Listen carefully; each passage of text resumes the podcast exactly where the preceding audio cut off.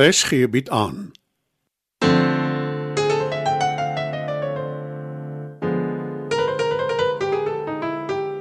Die Lingervelders laat waai deur Marie Snyman.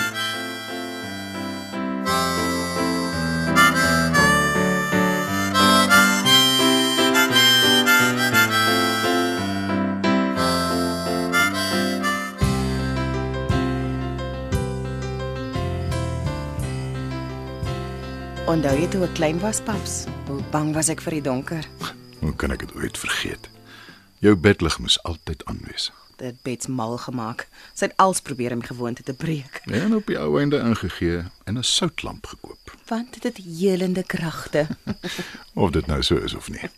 Almal was gelukkig en dis al wat saak maak. My paps die diplomaat. Weet jy, ek slaap nou nog met 'n soutlamp aan. Sean moes maar net gewoond raak aan. Ek neem aan hy het, Ja. want hy's 'n inskikkelike ou. Ag, vir wat het ek nou sy naam gaan staan en noem? Nou staan Can of Worms waarwyd oop. Jy moet een of ander tyd oor hom praat. En nou is dalk die heel beste geleentheid. Smeer die yster terwyl dit warm is. Ek het alles gesê wat ek wou. Al wat jy gedoen het, is jy het dinge gesê in die hitte van die stryd, toe jy kwaad was en bang. Jy weet ek's reg, né? Natuurlik, paps, jy's altyd reg. Nee, Paul, nie altyd nie. Ek glo wel ek is reg vir Sean, dat hy 'n ordentlike ou is. En jy weet hoe gekant ek teen hom was in die begin. Maar hy het homself bewys, oor en oor. Nie met my nie. Hoekom voel jy so? Verduidelik vir my.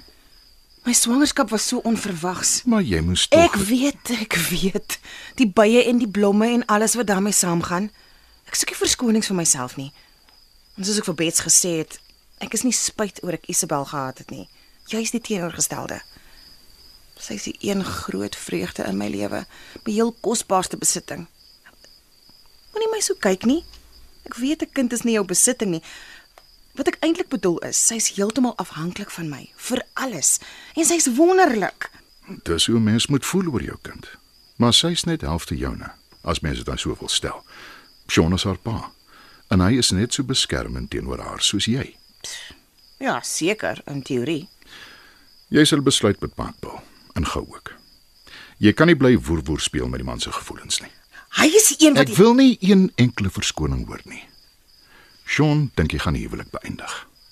het hy so gesê. Ja. En al hoekom ek dit herhaal, is om jou aan die verstand te bring hoe ernstig dit is.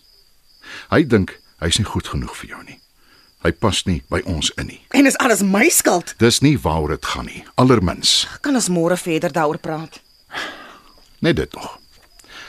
As jy van hom skei, jy weet jy kan in een van my woonstelle gaan bly. Maar jy sal 'n werk moet soek. 'n Oppasser kry vir Isabel. En wanneer sy ouer is, sal sy moet crash toe gaan. Ek het jou baie lief.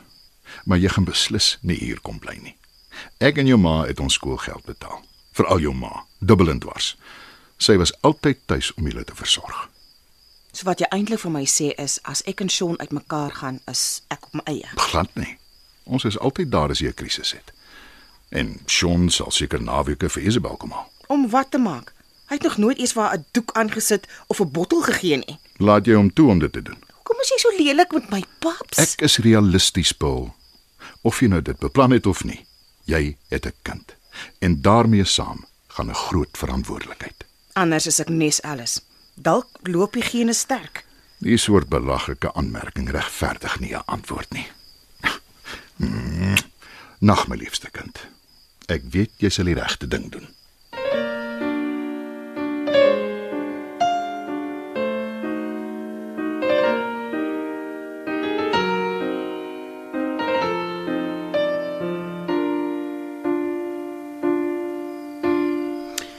Is Paul rustig? Rustiger is 'n beter beskrywing. Sean het iets om jou te vertel. Ek luister. Ek weet hoekom die man my ingewag het in my huis. Ek het so gedink. Hoe het jy dit uit hom gekry, Bets? Uh luister asseblief Chris, en moenie oordeel nie. Ag, dit het niks met oordeel te doen nie. Ek probeer Sean nog die hele tyd beskerm, maar dis 'n potensieel kriminele saak. Ek wag. Toe ek instap by die huis, toe sit hy daar. op my ouma se gunsteling stoel. Ons het altyd daar gesit en haar seepies kyk op TV.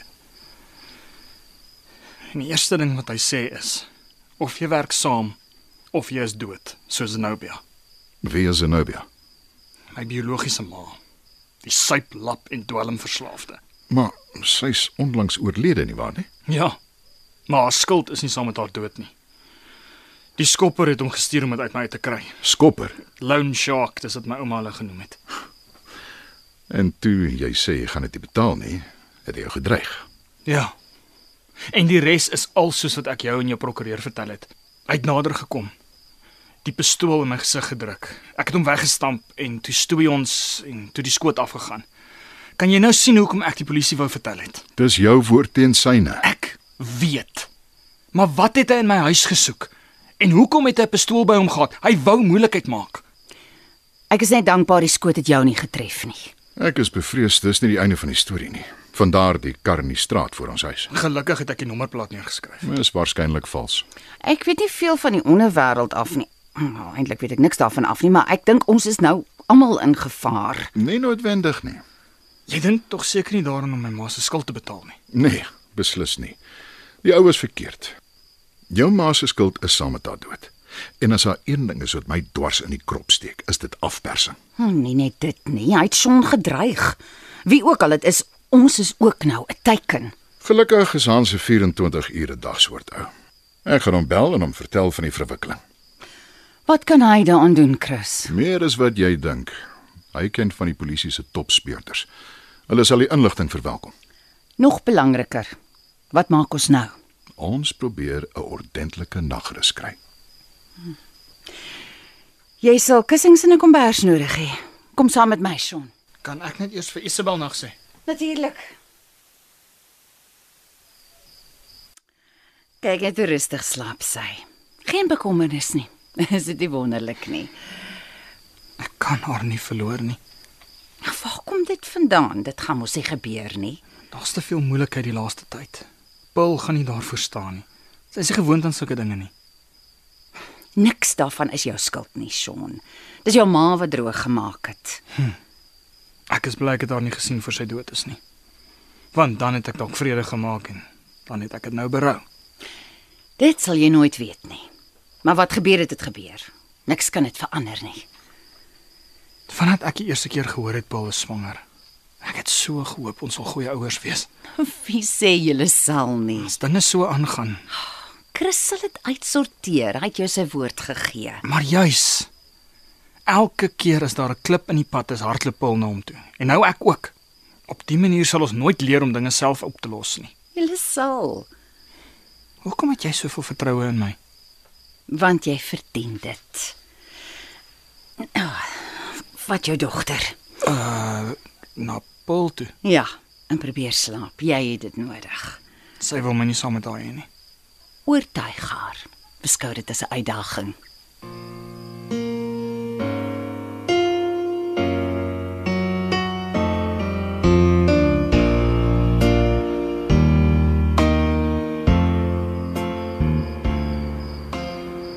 Ek het gedink ek gaan jou hier op die stoep kry besig om vir die sterre te kyk. Ja, dis nou nie soos in die oop veld nie, maar daar's daarom 'n paar sigbaar. Kom hier. Genadiglik is alles nou rustig. Wat sê Hans?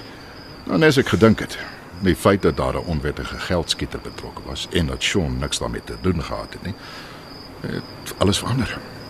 Nou, dis uitstekende nuus. Toe ek die kar beskryf het ons huis dopgehou het. Hy het sommer dadelik 'n naam gehad. Ene Zirk Karelse. Volgens Hans is die polisie al 'n hele ruk op sy spoor. Die nommerplaat is vals. Maar almal ken glo die ou se kar. Dis die een keer wat my ma se nuuskierigheid handig te pas gekom het. Sê dit tog maar vir haar. Sy sal baie naskouk wees. Ek hoef haar dan seker nie te herinner haar skoonseun het 'n sagte plek vir haar nie. Ek skat sy weet dit in die tyd. Ek dink ek ken haar nou beter. En ek het geleer om tussen die lyne te lees wanneer sy lostrek met een van haar vergesogte stories. Maar ek nie. Sê dit maar. O oh, nee, so maklik vang jy my nie. Julle dinamika het niks met my uit te wy nie. Ons het nou maar eenmal botsende persoonlikhede. Maar ons kom deesdae beter oor die weg. Sy kry dit nie meer elke keer reg om my knoppies te druk nie. Wel, jy het 'n goeie verhouding met jou skoonseun.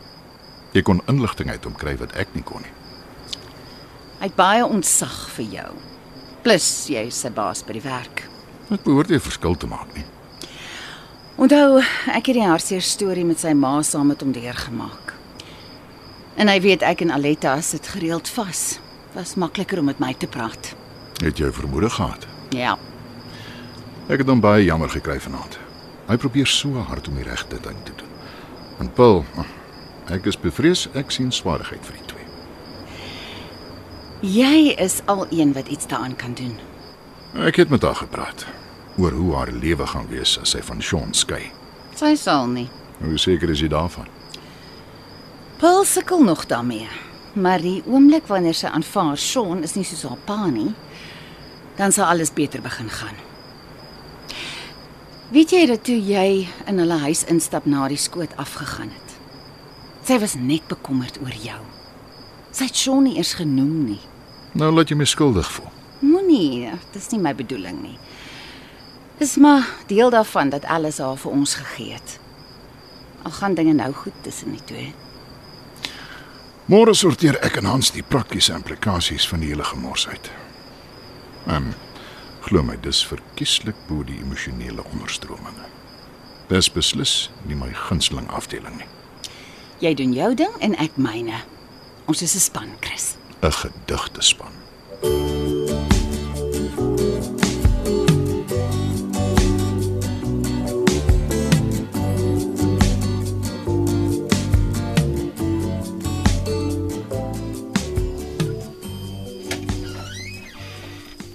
Slaap jy? Nee. Hoe? Jy het Isabel gebring. Kom vinnig in en maak toe die deur. Jou ma weet. Sy het dit voorgestel. O, oh, mamma se liefie. Ek neem bets nie kwaadlik nie. Ek was seker 'n bietjie getrek. Maar ek's nou fyn. Ek's jammer oor wat gebeur het. Sien jou skuld, Sean. Nogtans my ma Vergeet van haar. Sy's dood. En my pa sal sorg dat alles uitgesorteer word. ek wil nie. Dis wat hy doen en ons is sy kinders. Jy bedoel jy is. Jy het met my getrou en ons het vir Isabel. So jammer vir jou, jy's deel van die klan.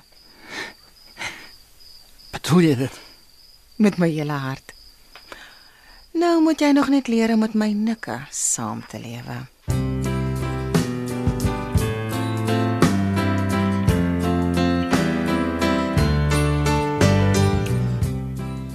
Die rol van Sean is in hierdie episode vertolk deur Cas McFadden. Dit was nog 'n episode van Die Lingervelders laat waai. Die tegniese versorging word behartig deur Neriya Mkwena en Evert Snyman is verantwoordelik vir die musiek en die byklanke. Die Lingervelders laat waai word geskryf en in Johannesburg opgevoer deur Marie Snyman.